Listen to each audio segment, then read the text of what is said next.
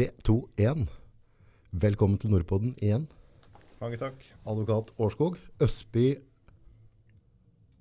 Årskog. Er det selskapet heter, er det ikke? Ja. Ja. Østby Årskog advokatfirma. Holdt det på Hamar. Ja, Ja. det gjør vi. Dere driver stort. Det begynner å bli mye folk hos dere. Ja, det har eh, dratt på veldig da, siden eh, særlig 2018. Så, mm, så det er jo fint det at det er eh, flere og flere som eh, setter pris på velger å bruke oss. da. Du er jo en arbeidsmaur. Jeg, altså, jeg har litt kontakt med ellers, så det ble sånn at jeg må bare plukke av meg hatten. Det er noen timer jobb eh, bak dette her, så det har ikke kommet gratis, skjønner jeg. Nei, Det gjør det vel egentlig aldri. Så mm, Nei, det er klart Det har jo krevd arbeid, naturligvis, for å få dratt opp sånn som det er nå. Men det, mm, det er jo på en måte Det er det som er gøy òg, da. Det er ikke det som kommer gratis. Det, det er vel ikke verdt så mye. Nei, så, så Hvis noen tenker som at advokater bare sitter og skummer kremen av fløta så I, i, i Maurits sitt tilfelle så er ikke det altså det er, Hver gang vi har hatt podder, så er det liksom sånn derre etter sju på kvelda eller det er på søndager. Så, så, og du kommer rett fra jobb alltid. Ja, sånn har det Ja. vært. Så det er, men det er kult.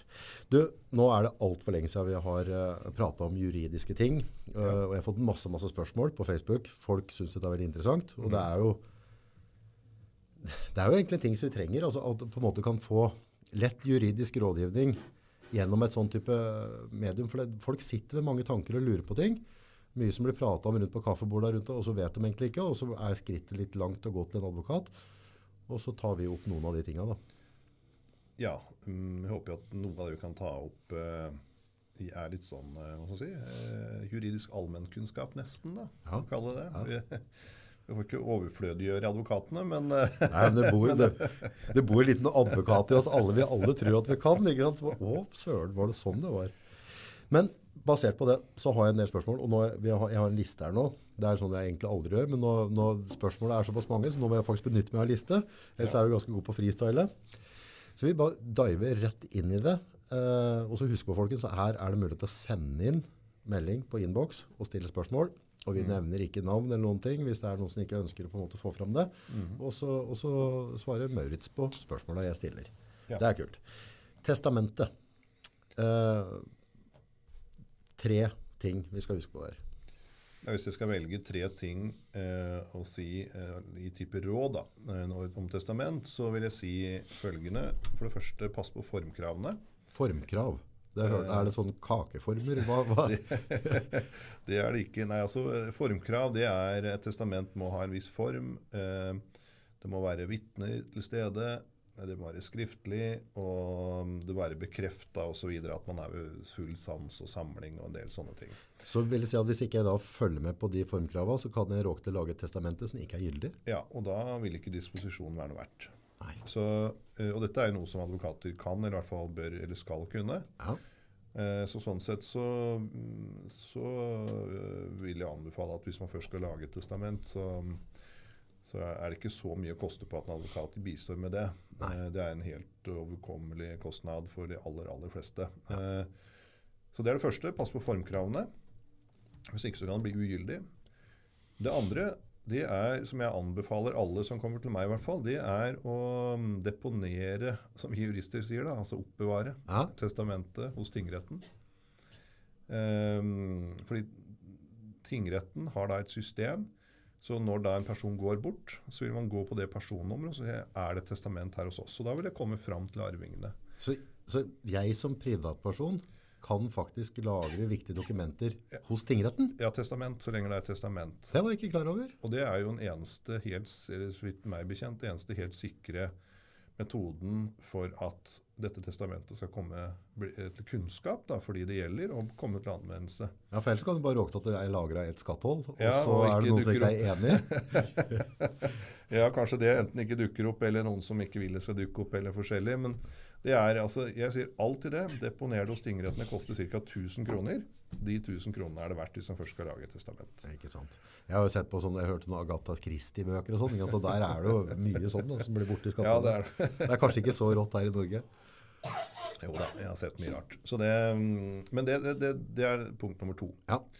Og tre, det er um, av og til, bl.a. nå har jeg en arvesak uh, som eh, reiser spørsmål om, eh, om Da er det et testament. Ja. Da er det jo to foreldre som har laget et felles testament uh, og, og tilgodesett barna sine. Og så er det jo da et spørsmål i den saken om foreldrene egentlig har forstått arveloven, om du er eh, om da testamentet eh, på en måte bryter med loven på en måte som det da ikke kan gjennomføres på. Mhm. Og det bør man jo vite. Altså, det er jo noe som kalles pliktdelsarv. Hva er pliktdelsarv? Det er hvis du har barn. Hvis du har livsarvinger, som vi jurister kaller det. Altså barn. da, Ja. Barna dine. Hvis du har det, så har eh, barna krav på i utgangspunkt to tredjedeler av det du etterlater deg. To tredjedeler. Ja, Den frie tredjedelen er det du kan disponere fritt over. Ok, så to tredjedel, det går til unga mine, Ja, uavhengig, og så har jeg en tredjedel jeg kan gi bort til... Til eh, hvem du vil. Til f.eks. den ene barnet ditt, hvis du vil at den skal ha mer. Eksempel. Ah, ja, ja, Men det, to tredjedeler, det skal liksom gå til eh, Hvis du har to barn, da, så er det to tredjedeler, og da er det halvparten på hver til dem. Ja. Eh, og så er det i større boer så er det at ingen barn kan kreve mer enn eh, 1,5 million ca. Oi, så Før, da... før så var det en million, nå har det gått opp til 1,5 million ca. Så at hvis du har et stort bo, da, eh, så er det da og to barn f.eks., Ja, så er det jo tre millioner. Du kan begrense det i testament til at det skal være en halvannen million på hver av dem. ja. Eh, og disse pliktdelsreglene bør man jo være oppmerksom på, for det jeg har sett nå er en sak som skal retten med i vinter, hvor det er da et testament, hvor man da er uenig om, eh, om eh, foreldrene egentlig forsto Altså hva var det foreldrene ville? ja. Eh, la, la oss si det er en enebolig, da. Mm. Eh, som ligger i, som du etterlater deg og testamenterer over. Mm. Og så eh, står det f.eks. at den skal den ene barnet ha. da. Mm. Det ene, La oss si det er to barn, Mm. og der står det at den ene barnet skal ha hele den boligen. Ja. Så vil jo ikke det la seg gjøre. Nei, for det, det andre barnet har jo krav på det. Ja. ja. Ikke sant? Og da er jo spørsmålet eh, Var det da sånn foreldrene mente det? For, for det som da vil skje, er jo at det ene barnet får rett til å overta boligen mot å kjøpe ut den andre på pliktdelsarven. ikke sant? Stemmer. Men Pliktdelsarven den kan du ikke røre i testament. Så da må den kjøpe ut den andre Et- barnet etter for en og en dagens- halv. Etter dagens regler, ikke sant. Og hvis det var det foreldrene ville, så er det jo helt uh, greit. Det var det de mente. Ja. Men hvis det var egentlig noe annet de mente, Ja. så burde de jo disponert på en annen måte. Eller da burde jo den advokaten som eventuelt hjalp til med å sette opp testamentet, informere dem om disse reglene. Sånn at dette testamentet, hvis du gjør det sånn, så er det denne virkningen det får. Yes. Men hvis da, som det av og til skjer, da, det er jo liksom triste skjebner av og til, men av og til så er jeg borti tilfeller hvor foreldrene faktisk vil at et barn ikke skal arve. Ja. Det skjer, det er, ja, det er jo, øh, Den saken jeg nevner nå, er et sånt eksempel, antakeligvis. Ja. Og da burde foreldrene fått beskjed av den advokaten at men det kan du ikke få til på denne måten. Nei. Men du kan få det til ved å overdra boligen i levende live oh, ja. til barn, det ene barnet ditt først. Og så kan du sikre deg sjøl en borett livet ut. Ja, Da har du fått gjennomført den overdragelsen. ikke sant? Sånn som du ville. Så den dagen eh, jeg da eventuelt går bort, så er det ikke sånn at da det barnet som ikke f- den boligen, må betale ut mer allikevel? Nei, for da, da er eh, testament og, og det gjelder jo det du etterlater deg når du dør. Sånn, hvis du tar det veldig enkle eksempelet da, med at det er eh, en, la oss si en gjenlevende mor eller en far da, eh, som eier en enebolig. Mm. Eh, og så eh, kan det være at hun lager, går til en advokat, lager en testament. Det, den eneboligen skal arves av la oss si to barn. Den ene. Og da bør hun, hun få beskjed, eller han få beskjed av advokaten at ja, det kan du gjøre, men da vil testamentet fungere sånn at 1,5 million altså, eh, Det må betales ut til den andre uansett. Skjønner. Altså det vil si den som får huset, må betale ut halvannen million til den andre. Mm. Altså pliktdelsarven. Det kommer du ikke rundt. Og hvis det har det vedkommende ønska, altså den som døde, så er det jo alt riktig. Det var det man ønska. Ja. Men hvis det var sånn at man egentlig ønska at hele huset skulle gå Altså verdien av hele huset skulle gå til den personen, Ja, så burde han fått beskjed av advokaten at eh, ja, men det kan du ikke gjøre på denne måten. Men hvis det er viktig for deg, så kan du overdra det nå i levende live. Kan du overdra mm. boligen. Og så kan du sikre deg en borett, f.eks. Så hvis det er tre ting på testamenter så, som man skal passe på, så tenker jeg formkrav. Oppbevaring hos tingretten, i hvert fall anbefaler jeg alltid det. Og passe på pliktdelsreglene, for de kan på en måte overstyre testamentet ditt. Ja. Og da må du vite hvilken virkning testamentet faktisk får i samspill med pliktdelsreglene. Ja. Det er de tre tingene jeg tror er mest viktig å tenke på når det gjelder testamenter. Og da ut ifra det jeg hører du sier nå, så legger jeg inn et eh, fjerde tips. Ja, Ta kontakt med en advokat. det var det, var det, det, var det beste tipset. Ja, jeg lurer på Ja, så, så, ja. Altså, måte, det du sier nå gjør nok til at jeg forstår at dette er en jungel. Så her kan det være greit å Ja. Hvis- du skal testamentere bort flere millioner, så Ja. bruker noen tusenlapper på å sørge for at dette går ryddig for seg, så må det være greit. Det tror jeg. Så det, men dette, disse tre tingene de, de er det jeg, jeg er i hvert fall mest oppmerksom på når noen kommer til meg og snakker om testament og arv. Mm. Det er de tre forholdene der. Vi hopper rett på neste. Uh, og da er det kjøp og salg av bolig. Uh, der er det mange, mange spørsmål. Kan jeg selge privat? Uh, jeg hadde en megler som jeg ikke følte fulgte opp ditt og datt. Jeg syns det koster veldig mye. Jeg skal bare selge en bolig, et, et eller annet bygg til 800 000-900 000, en million, og så sier jeg at man betaler Hva bør jeg tenke på når jeg skal selge bolig? Uavhengig om det er dyrt eller rimelig, da. Har du noen Ja, altså tips? kjøp og, kjøp og salg av bolig, hvis du skal velge ut noen få punkter å passe på, så tenker jeg at um, ja, det går jo fint an hvis du tenker å selge privat, så går jo det fint an. Eh, hvis man først vil det, altså hvis du har en kjøper, altså det har jo mange oppdrag av, altså at du har en, eier en bolig, og så har du funnet en kjøper, som har tilbudt deg en pris som, eh, du, den er grei, og vi slipper meglerkostnader, og, og uh, vi har lyst til å selge til han, Ja. eller henne. Eh, så er det helt kurant. Og da er det vanlig at man bruker en så, det man kaller en oppgjørsadvokat, Ja. som gjennomfører oppgjøret. Ja. I praksis vil jo det si at du eh, sikrer først å få inn eh, skjøte. Ja. Eh, så sitter du på skjøte i signert stand. Mm. Så- Det er det dokumentet som avgjør hvem som eier. Ja, som overfører hjemmel. Du sitter på det, og så henter du inn pengene Ja. fra da kjøperen, ikke sant? Og så når du har de pengene på klientkonto, så sender du skjøte til tinglysning. Og så går hjemmelen over, og så utbetaler du til selger. Det er for å sitte på sikkerhet for begge parter. Ja, ja, for da, da er det ikke sånn at eh, jeg fører over sånn, og så leverte du aldri en skjøte. Da er du den sikre part Ja. imellom meg og da kjøper. For å sørge for at, dette, at det ikke blir noe Ja. krasj der. Og da vil si at du sender ikke fra deg det skjøtet, selv om jeg har signert det, før du ser de Ja, pengene pengene på er på konto. konto. Og da sitter jeg og sitter, sitter på en måte sikkerhet for begge parter. At eh, pengene er her, skjøtet er her, og da gjennomfører vi. Ja. Og det, er den eneste, og det er den eneste måten for at begge parter skal ha sikkerhet. At det er en tredjemann, en oppgjørsadvokat, som sitter på dette her og bare gjennomfører det. Og det er heller ikke noen sånn kostbar affære. altså det, Vi snakker om en sånn 10 000-20 000 kroner. Ja. Eh, klart, det, det er litt det, men det er altså hvis du selger en bolig, eh, så at det er en sikkerhet, det vil jeg anbefale. Hvis man skal selge det privat. Ja.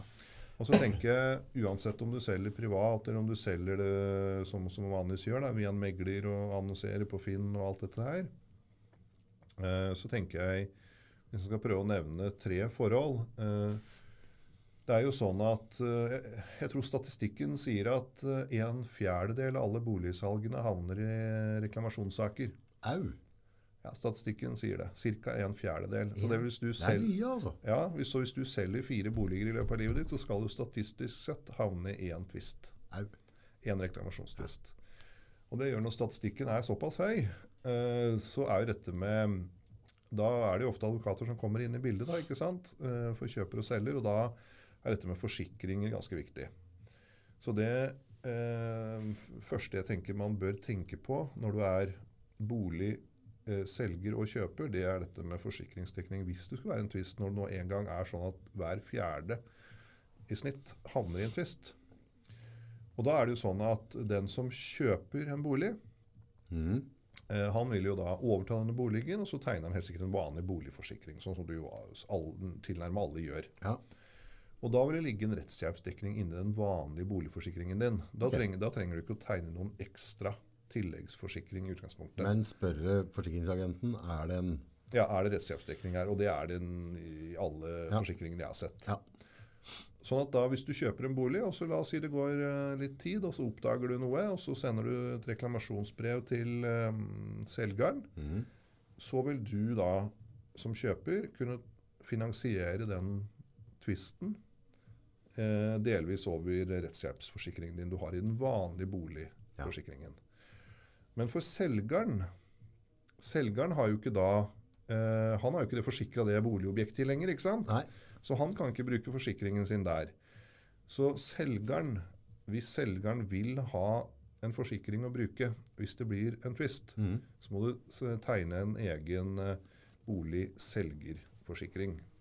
Så det bør du jo tenke på når du selger bolig. og dette tar jo, Hvis du selger privat, så bør jo kanskje den oppgjørsadvokaten ta det opp.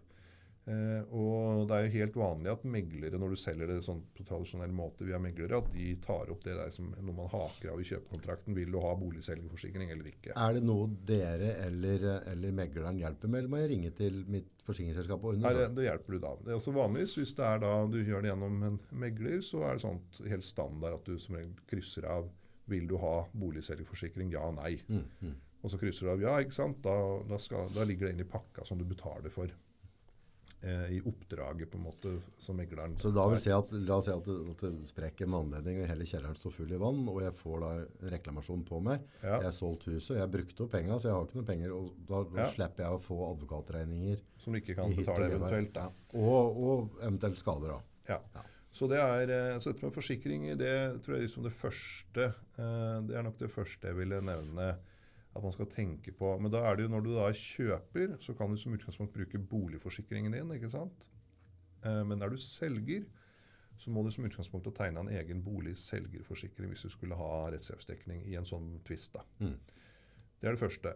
Eh, og det andre jeg tror jeg vil eh, tenke på, det er jo Når du selger en bolig, så må du være veldig altså Sånn som dette har vært, så har jo dette vært Nå vil jo disse reglene endre seg litt fra med nyttår, men i hvert fall sånn tradisjonelt så har jo stort sett alle bruktboliger For det er jo stort sett det som selges, brukte boliger, ikke sant? Ja. Eh, vært så, solgt som den er, som det kalles. da. ja. Uh, Ut av døra garanti. Ut av døra garanti, ja.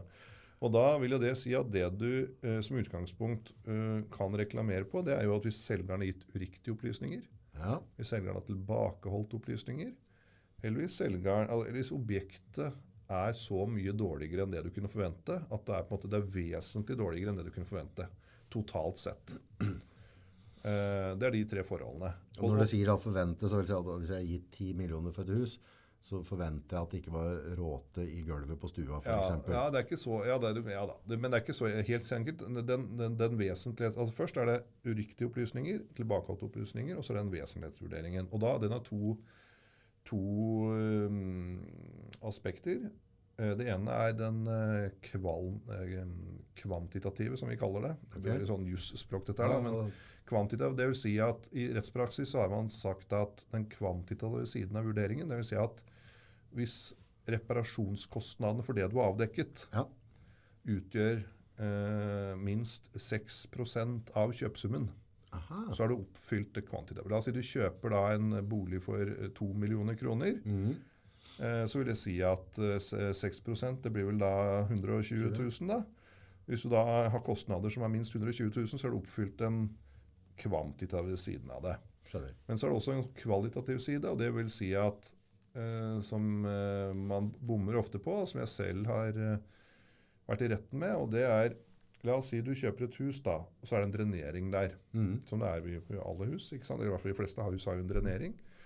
Eh, og Det er jo ikke alle som kan så mye om drenering, men de som kan litt om det, vet jo at de har jo en levetidsbetraktning. Hvor lenge varer en drenering? Hvis du drenerer huset ditt, det varer ikke til alltid. Nei, det er ikke 100 er år et, fram til. Et liksom. eller annet tidspunkt så vil den eh, Måtte friskes opp igjen. måtte friskes opp. Og, da er, og Det er liksom den kvalitative. Hvis du da kjøper et hus, og det står i prospektet at uh, dreneringen er fra da og da, ikke sant? Uh, og levetidsbetraktningen for dreneringen sier at denne dreneringen kan i praksis når som helst uh, ryke. Altså det ligger i produktet. Ja, ja. Så er det ikke så enkelt å si bare snu seg rundt og si, men, si at hei, det koster veldig mye ja, ja. å legge ny drenering. Det hadde jeg en sak nede på Råholt for halvannet år siden. Da oppdaget boligkjøperen dagen etter overtakelse masse fukt eh, og mugg, og dreneringen hadde da slutta å fungere. Mm. Og, ha, og det var veldig kostbart å gjøre opp igjen. Eh, og han reklamerte, og han kom til meg. Og vi reklamerte, og vi prøvde å forhandle med da boligselger, forsikringsselskapet. Eh, og jeg sa jo til eh, klienten da at eh, vi kan jo prøve oss i retten, men dette er nok ikke så enkelt. nettopp, også, for Da var kostnadene med å reparere det var veldig store. altså. Langt over 6 okay, av ok, ja. Men allikevel så var jo, når han kjøpte den boligen, så var det opplyst at dreneringen var fra en gitt dato. ja. Eh, og, og den var så gammel at eh, alle takstmenn som kommer inn der, vil si at eh, ja, den dreneringen kunne ha røket i går, den kan røke ryke i morgen. Altså Det ligger i produktet. Mm, mm, Den var på overtid. mm. Og da var det bare en tilfeldighet at det røk akkurat da, ikke sant? Ja, ja. Eh, og ikke litt tidligere. Ja. Så den eh, saken nådde jo ikke fram med. Eh, så, så derfor det tenker det du skal tenke på ved eh, kjøp og salg av bolig særlig, da. Det må være eh, dette med forsikringer, og så er det hva er det du opplyser som selger? For det kan du lett bli tatt på. Ja. Og det er jo da egenerklæringsskjema stort sett. Du må, du må liksom bruke litt tid på det, altså tenke Tenke deg litt om. ordentlig om. For det opplyser du noe feil der fordi du hadde glemt noe, eller fordi du var litt, hadde mye å gjøre, altså sånn, da sitter du i saksa med en gang hvis du får en reklamasjon. Nei, vi skriver ikke noe om dette, liksom. Da, ja. Eller til holde tilbake opplysninger. Så, så det er, når du selger en bolig, så tror jeg at uh, du, du skal ikke undervurdere de opplysningene du gir. og Du må mm, prøve å være ganske presis uh, i de opplysningene. For hvis du da blir tatt for ikke har opplyst noe fullstendig eller gitt feil opplysninger, så er du per definisjon i et ansvar med en gang. Og, mm, ja. Så det er de tre tingene. Forsikring, Passe på hva du opplyser, og passe på at det, det, det du opplyser, er fullstendig. Mm. For da, hvis du har gjort den jobben, da er det eneste du, du kan på en måte bli tatt på etterpå, det er hvis det er vesentlig dårligere det du har solgt. Det, det er en høy terskel, ikke sant? ja, ja. Men er du flink å opplyse underveis, så, så skal du være i clear. Ja. Så hvis du da er en av de fire, så, så skal dette kunne være greit. Og så er det veldig ryddig å være veldig god på å opplyse. ja. For du ønsker jo at folk skal kunne flytte inn i det hjemmet og ha det ålreit. Du vil jo ikke lure folk i utgangspunktet. Nei, det er vel de færreste, eller de færreste vil vel det, tror jeg. Og, og som kjøper skal det være fornuftig å gå gjennom det egenklæringsskjemaet Ja, til selger. Og, og, for, for det er der man kan sånn. For Hvis du tenker du fra kjøperside, så er det jo særlig der du kan ta, sånn si, ta selger, da, for å si det sånn. Ja, for da kan du si at altså vi går gjennom skjemaet og så si at dette huset er fra, fra 1979 eller 1975. eh, Og så står det her at det er ikke bytta drenering. Er det noe som skal påvirke prisen, kan jeg da si at selger, her må jeg påberegne drenering. Så kan vi på en måte møtes på veien. Altså eksempel, hvis det ikke er en kraftig budrunde rundt det. Men da er det noe å være klar over. Det er det. Eh, utrolig gøy. Nå har vi fått en god del informasjon. Igjen. Vi setter veldig, veldig pris på det. Eh, og folk må bare sende inn meldinger når de lurer på ting. Så er vi mer enn happy for å ta tak i det. Ellers, hvis det er noen som har noen spørsmål til deg, det, du har jo garantert en nettside og noe greier, og du? Ja da, det er, og der er det et kontaktskjema og forskjellig. Så det, ellers så har jeg et mobil jeg er tilgjengelig på stort sett døgnet rundt, eh, året rundt. Da legger vi på det under her. Ja. Så hvis det er noen som lurer på noe, så, så biter ikke du. Det er bare å ta kontakt. Det er det. Og, og gubben jobber, så det, så, så det sier døgnet rundt. Ikke ring på natta, folkens. Jeg Synes litt synd på det, for det er arbeidsmengden der det er ganske, ganske røv. Det er snart jul, folkens. Vi var litt snille. Prøv å holde til dagtid. Tusen hjertelig takk. Ja, Setter pris. takk.